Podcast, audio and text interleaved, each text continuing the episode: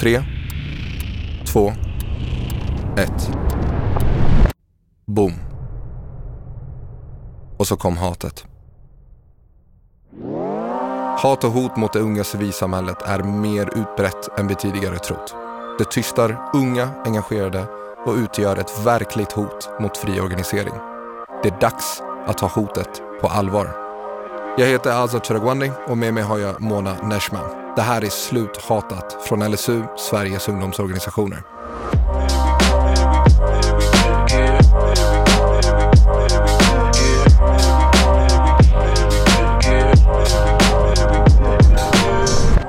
Hej Azza! Tja! Vad händer? Hur mår du? I'm good, I'm good. Det är skitkul att, att vara med. Första avsnittet. Verkligen. Ja, jag ser fram emot det här samtalet. Vi, vi har ändå ganska coola människor med oss. Mm, verkligen. Det har vi. Eh, vem är du? Azad Chiragwandi, som sagt, eh, bor i Stockholm och sitter i LSU Sveriges ungdomsorganisationers styrelse. Där jag också är talesperson för just hat och hotfrågorna. Mm. Eh, och tycker det här är skitviktigt att vi ja, finns här och snackar om de här frågorna. Vem är, vem är du, Mona? Ja, men jag heter Mona Neshma och jag eh, jobbar på LSU som Mm. projektledare och driver framförallt eh, då vårt projekt om, om hat och hot. Just det. Eh, och inom ramen för det här projektet då så, så gör vi den här podden, Sluthatat. Mm. Ja, men, men jag har en fråga till Mhm. dig. Varför, varför är den här frågan ens viktig för LSU? Jo, för att det är LSU som hatas och hotas. Och inte bara liksom vi som organisation, utan vi samlar ju hela ungdomsrörelsen. Det är hundratusentals ungdomar som engagerar sig i så många organisationer. Och om vi inte tar den kampen, vem, vem ska då ta den kampen? Mm. Och det handlar ju i slutändan om vår demokrati, både idag och i framtiden. Mm, mm, precis. Och i den här podden kommer vi prata om olika, em, olika delar av eh, problematiken kring, kring just hat och hot. Eh, men, men idag har vi med oss två personer Mm. som, som är med på länk, eller hur? Ja, Jajamän. Mm. och, och det är eh, Hampus Nilsson från eh, LSU som jobbar som eh, utredare och Zana Mohammed som är ordförande för Ibn Rushd studieförbund. Ska vi ta och ringa upp dem så kan vi köra igång med samtalet direkt. Yes.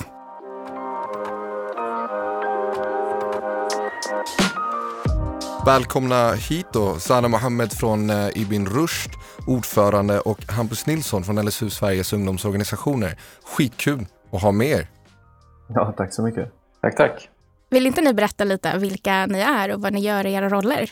Eh, Zano Mohammed heter jag och är ordförande för Iberos studieförbund sedan eh, 2017. Eh, men eh, jobbar eh, till vardags inom, eh, inom Göteborgs stad. Och jag heter Hampus Nilsson och jobbar som eh, utredare på LSU. Ni representerar ju två organisationer som verkar i eh, civilsamhället. Och vi har ju länge nu pratat om att eh, civilsamhället är hotat. Eh, och LSU har ju nu i eh, snart två år jobbat med frågan om hat och hot. Och framförallt också släppt en rapport som heter Vi sluter oss inåt, som eh, du Hampus har författat. Vill du berätta om vad säger egentligen den här rapporten? Vad, vad är läget? Vad är det som händer?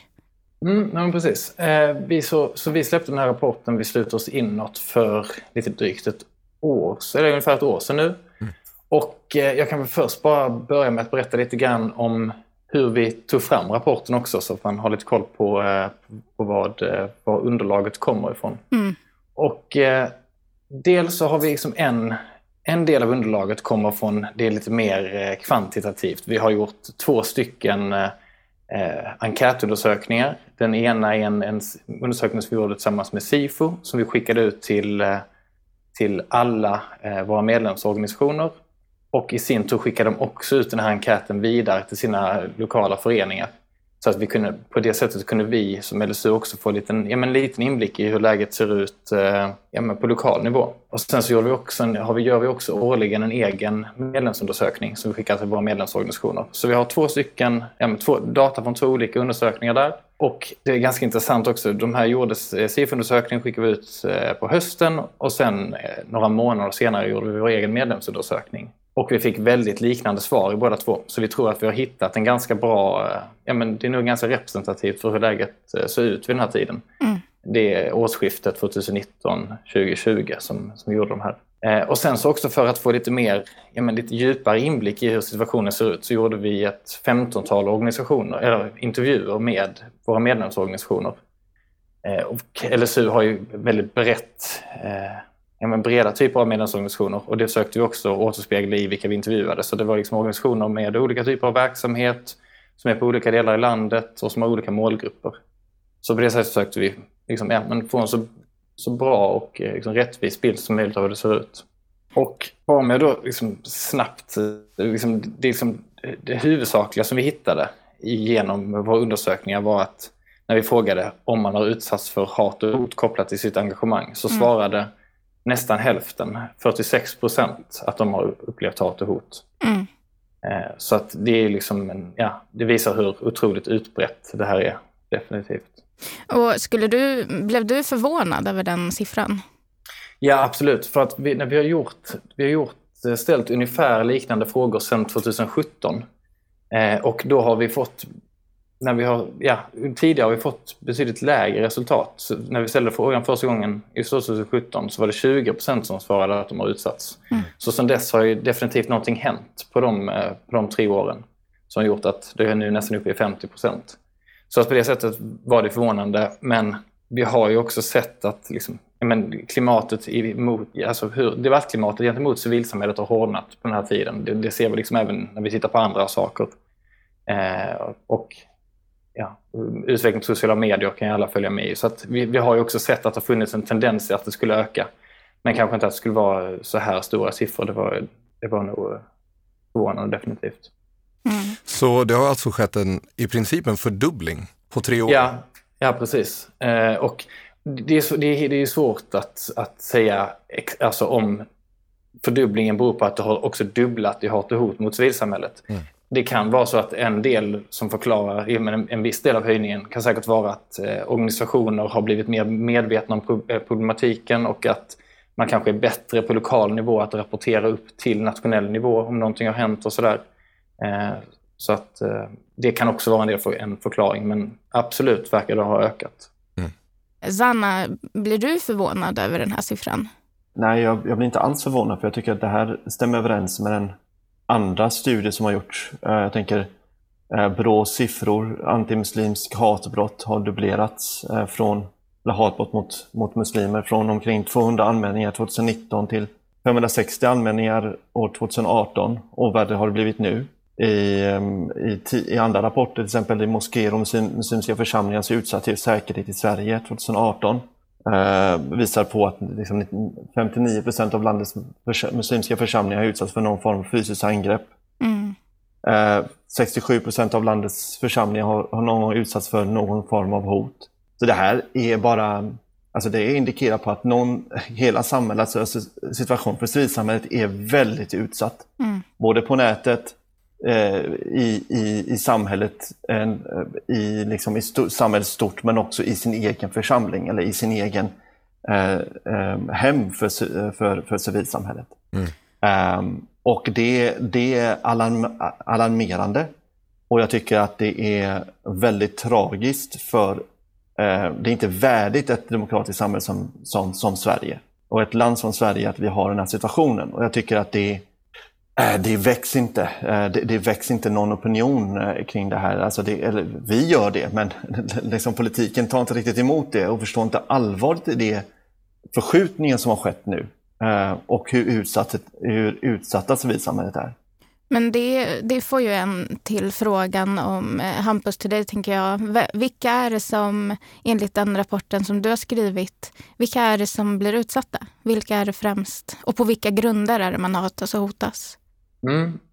Eh, dels när vi tittar på liksom, i organisationerna, vilken typ av roller de har som utsätts, så, så ser vi tydligt att det är först och främst de som syns och hörs mest eh, i opinionen och i, ja, ute i, i debatten. Så det är förtroendevalda, eh, styrelseledamöter, ordföranden. Eh, men det här är också något som förvånar mig ganska mycket att vi ser att eh, det är också en stor andel som anger att deras medlemmar utsätts, kanslipersonal, deltagare på aktiviteter som inte ens är, liksom, är kopplade till organisationen, volontärer. Så vi ser liksom att det, mest frekvent är de som eh, liksom förtroendevalda, men det går verkligen genom hela organisationen. Mm. Eh, så det, ja, på det sättet drabbar det liksom verkligen hela civilsamhället också. Mm. Men eh, de som hatar, hatar de på, är det oftast eh, ideologiskt betingat eller är det för att man inte håller med varandra om, om vilket slutmål man vill göra, om det är politiska organisationer? Eller varför hatar man personen? Är det bara för att de är förtroendevalda i en viss organisation eller finns det andra eh, mer, mer allvarliga konsekvenser? Exempelvis om man riktar sig mot mm. ja, kvinnor eller vad det nu kan vara? Ja, alltså det är en ganska komplex fråga tror jag. Och, eh, det vi kan se på, på, ett brett plan är att de vanligaste liksom, angreppspunkterna är ideologiskt riktat hat och hot och tillsammans med rasism och ganska snart därefter sexism och homofobi. Mm. Eh, så ideologi och rasism är högst upp. Eh, och ibland så är det kopplat till att, eh, att det är en organisation som företräder minoritetsgrupper till exempel. och sådär. Mm. Men ibland kan det också vara att det är liksom som, låt säga ett, ett politiskt parti men som har en företrädare som rasifieras och då kan det komma jättemycket angrepp mot den personen. Mm. Så att det som gör att det är lite svårt att, att säga vad som är angrepp för att man inte håller med organisationen eller vad som är för att man då har liksom, angriper företrädaren. De sitter nog ganska mycket ihop för en, en person som, som rasifieras och som är kvinna har liksom, är större, ja, det är större sannolikhet att den personen blir utsatt än vad en, mm. en eh, vit man skulle bli. Till exempel. Så mm. det är lite svårt att skilja de här kategorierna helt åt, eh, men eh, ja, för att de samspelar med varandra. För, för då tänker jag att det är inte konstigt att man som representant för en organisation som jobbar för till exempel en minoritets eh, rättigheter, att det inte är förvånande för en sån organisation att se de här siffrorna. Eh, för att man, eh, ja men hatet lite har blivit en del av ens vardag. Mm. Alltså att driva organisationen så att säga. Precis. Ja, och det tycker jag också är någonting som jag känner igen mig i. Jag har ju pratat om det med dig Mona och flera andra tidigare. Att eh, jag fick min eye-opener när jag blev vald eh, förbundsordförande för Unga Republikaner, vilket är en ungdomsorganisation som arbetar för republikanskt statsskick. Och det är klart att i, ett, i en monarki så kommer du få utstå en del hat för att du tycker ja, att det ska finnas ett annat statsskick som är att föredra. Men jag insåg ju väldigt snabbt och väldigt direkt egentligen skillnaden i vilket hat och vilken magnitud av hat jag fick utstå jämfört med min tidigare kollega Jonas eh, mm. och jag då eh, Aza. Mm. Och det var liksom omedelbart, det var eh, hänsynslöst, det var snabbt, det var överallt, det var hela tiden. Eh, och jag tänker, jag tänker på dig Sanna, är det någonting du känner igen dig i i din roll nu som ordförande för Ibn Rushd som ändå är en organisation som utsatts både av politik och media ganska jag säga frekvent men nästan, nästan konstant. Att det här är någonting som, även om du pratar med andra företrädare, någonting som riktar sig till dig mer än en gemene person. Ja, definitivt, men jag har nog varit bra på att exkludera mig själv från, från det utifrån att jag är inte så mycket på Facebook, jag har inte Instagram, jag har mm. inte Snapchat, jag har inte det mesta eh, som går att nå mig på. Mm. eh, så att det enda är mejlet eh, och där får jag en del. Men, eh, men jag har verkligen försökt, jag medvetet egentligen när jag väl tog den här rollen som ordförande så visste jag att det här kommer innebära en hel del. Eh, och, eh, och blev väldigt med, jag var väldigt medveten för att jag är tvåbarnsfar. tvåbarnsfar liksom. mm. Jag har inte tid med att bli hatad på. Eh, jag har fullt upp med annat. Eh, så att jag, jag, tog ett väldigt starkt beslut att jag är inte lika engagerad på Facebook, jag är inte lika engagerad på sociala medier. Jag delar inte med mig av lika mycket för att inte utsättas för det där och att jag inte ska behöva må dåligt över det eller att jag inte ska behöva eh, eh, behöva liksom eh, oroa mig för det utan att jag, jag nås inte helt enkelt. Och det är det som jag tycker är också är en det är farligt när, när ett samhälle blir på den nivån. Att man, att man själv som ledare väljer att exkludera sig mm. från saker som alla bör ha rätt till. Att kunna uttrycka sin åsikt på Facebook, mm. att kunna vara tillgänglig liksom på sociala medier. Men, men situationen, vi, till exempel, vi har inte bilder på våra anställda och förtroendevalda på våra, hemsid på våra hemsidor, eller på vår hemsida, på grund av, av säkerhetsskäl. På grund av hat och hot. Eh, så att och det, det, tycker jag är, alltså det, det är en skam. Det, det, är ett, att vi har hamnat där är ju, det är absurt. Jag vill ju gräva lite mer i, just det här med konsekvenserna av hatet och hotet och vad det egentligen gör, mm, ja, men, eh, som, som du säger Sanna, på både individnivå och, och eh, organisa, organisationsnivå. Eh, men också på samhällsnivå. Alltså vad får det för konsekvenser för demokratin? Eh, och Hampus, vad kan vi se utifrån den rapporten? Vad, vad får det egentligen för konsekvenser, hatet och hotet? Eh, först ska jag säga att liksom mycket av det som, det som Särna berättade här om hur liksom, Ibn Rushd har det, det känns igen väldigt mycket med, med andra som vi har pratat med till den här rapporten också. Att man, man liksom gör omställningar i organisationen eh, för att liksom, slippa hat och hot. Och, och precis som Sanna säger också så du beskriver att du nås inte, men på ett sätt är det som du säger också att du når heller inte ut på samma sätt, kan inte delta lika aktivt i, eh, mm. i, i, debatten. Och det, det är mycket det vi, vi ser också. Eh, I den här rapporten så, så säger 18 procent, eh, och den siffran är lite högre i den senaste vi fick in nu precis här för ett tag sedan som jag kunde sammanställa men drygt 20 procent säger att de har anpassat eller förändrat sin verksamhet på grund av hat och hot. Och då är det liksom bland annat det som eh, Sanna berättade om. Man har inte bilder eller kontaktuppgifter på, eh, på företrädare och anställda inom organisationen. Man tar fram handlingsplaner och rutiner för hur man ska ta sig till evenemang, hur man arrangerar evenemang på ett säkert sätt. Det, det är flera stycken som berättar att de har lokaldistrikt som helt har slutat driva vad som kan uppfattas som politiska frågor för att det, ja, det är för stor risk helt enkelt. Det blir för mycket drev mot eh, organisationen när de gör det. Mm. Så då är man istället tyst. Ja, och, och, och, det får ju mig också att tänka på att men, det blir en väldigt ojämlik fördelning i hur civilsamhället, eller vilka frågor som får drivas och så vidare för att man som organisation behöver lägga så himla mycket resurser på att hantera hat och hot jämfört med andra som inte behöver göra det och kan lägga eh, tid och resurser på saker som, de, ja, men som går i enlighet med deras ändamål. Mm. Eh, vad det nu än kan vara.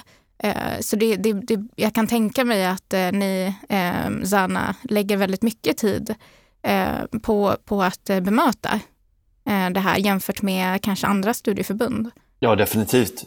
definitivt. Vi har, alltså, inte bara att bemöta, men också att, att bemöta liksom anklagelser och lögner och inte bara hat och hot, utan, utan också liksom att osanningar. Mm. Eh, opinionsbildning liksom, eh, med, med förteckning på forskning. Alltså, med, med en täckmantel som forskare som drivs av en bild av hur, hur vi är som organisation i media. Mm. Eh, det, det, det, är liksom, vi lägger väldigt mycket mer resurser på det än vad vi bör göra, mm. anser jag.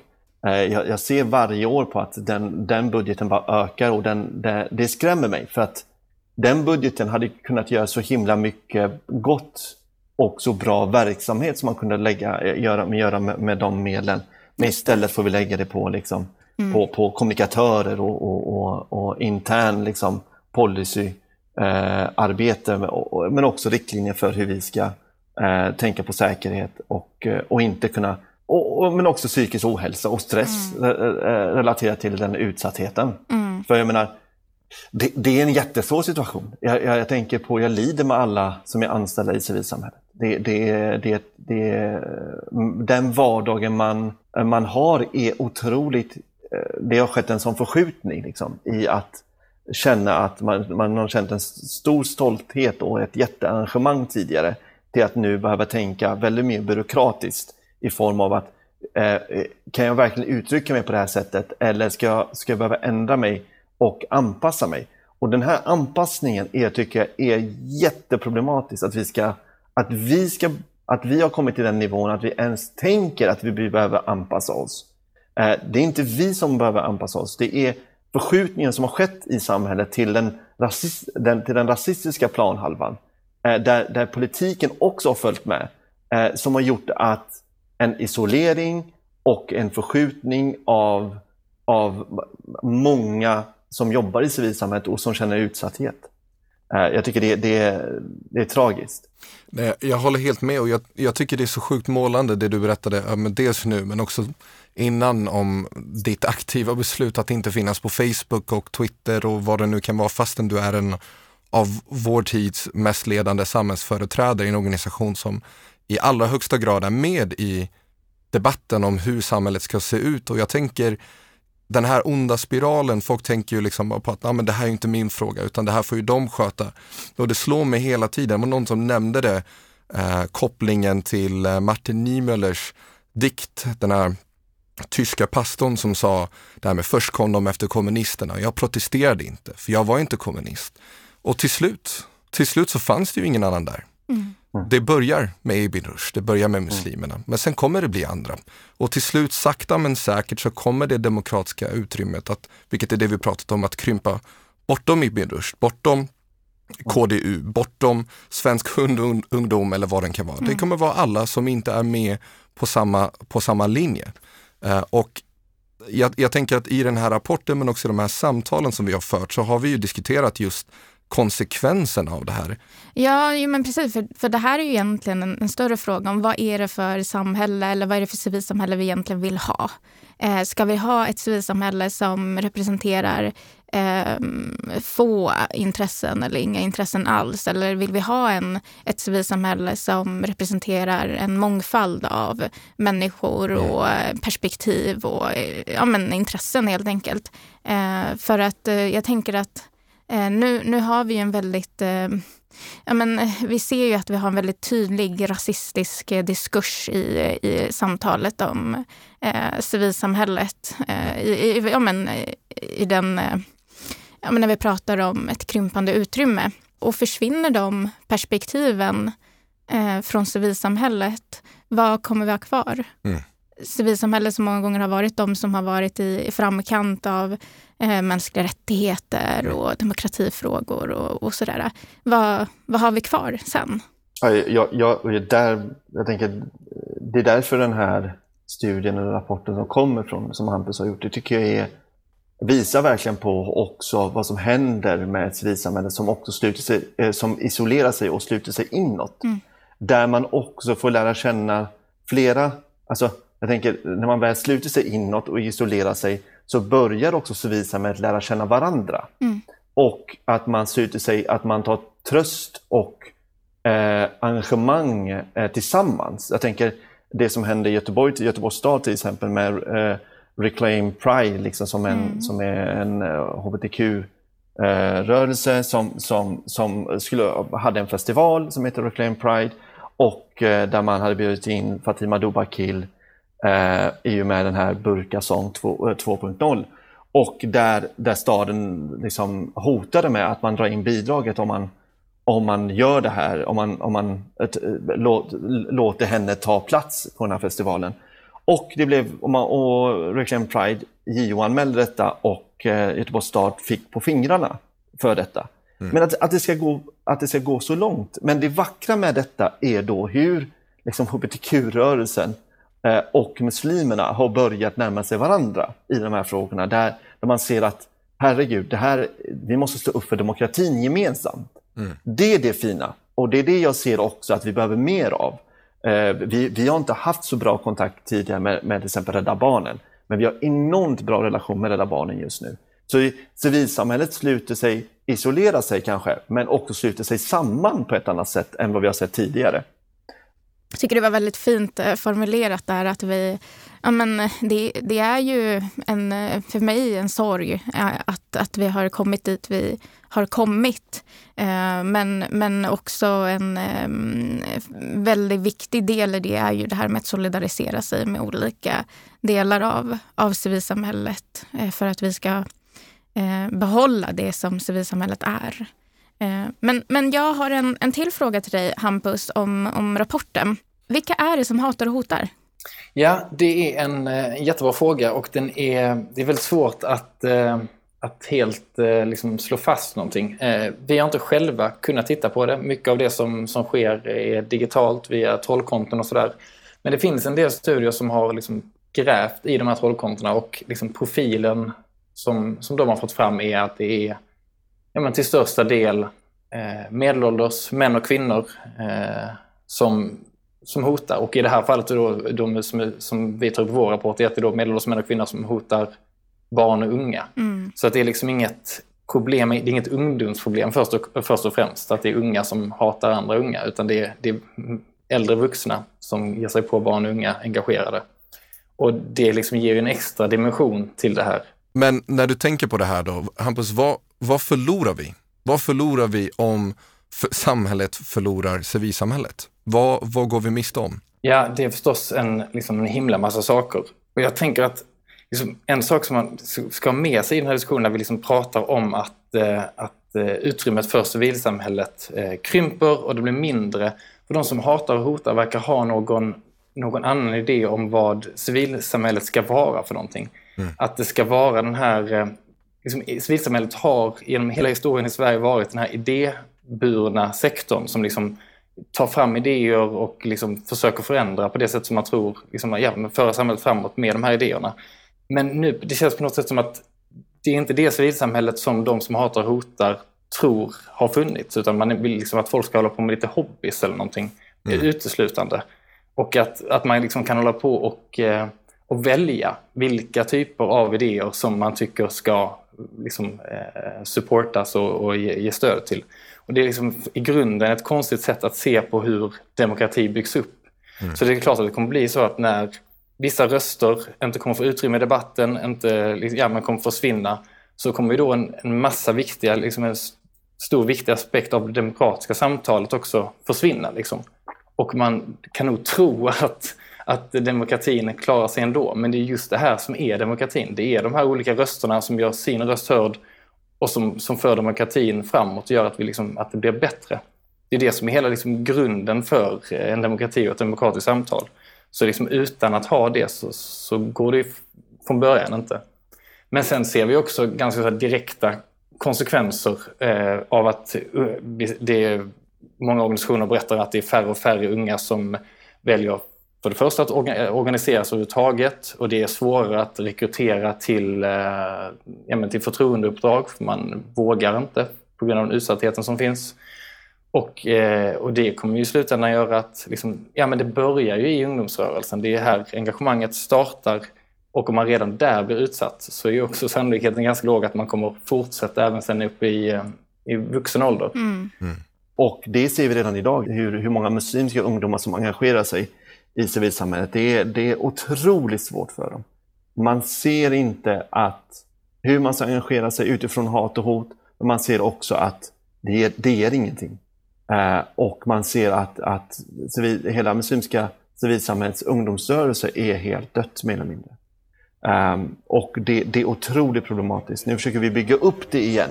Uh, och, det, och det, är, det är svårt. Det är jättesvårt att vara en ung muslim i, i dagens Sverige.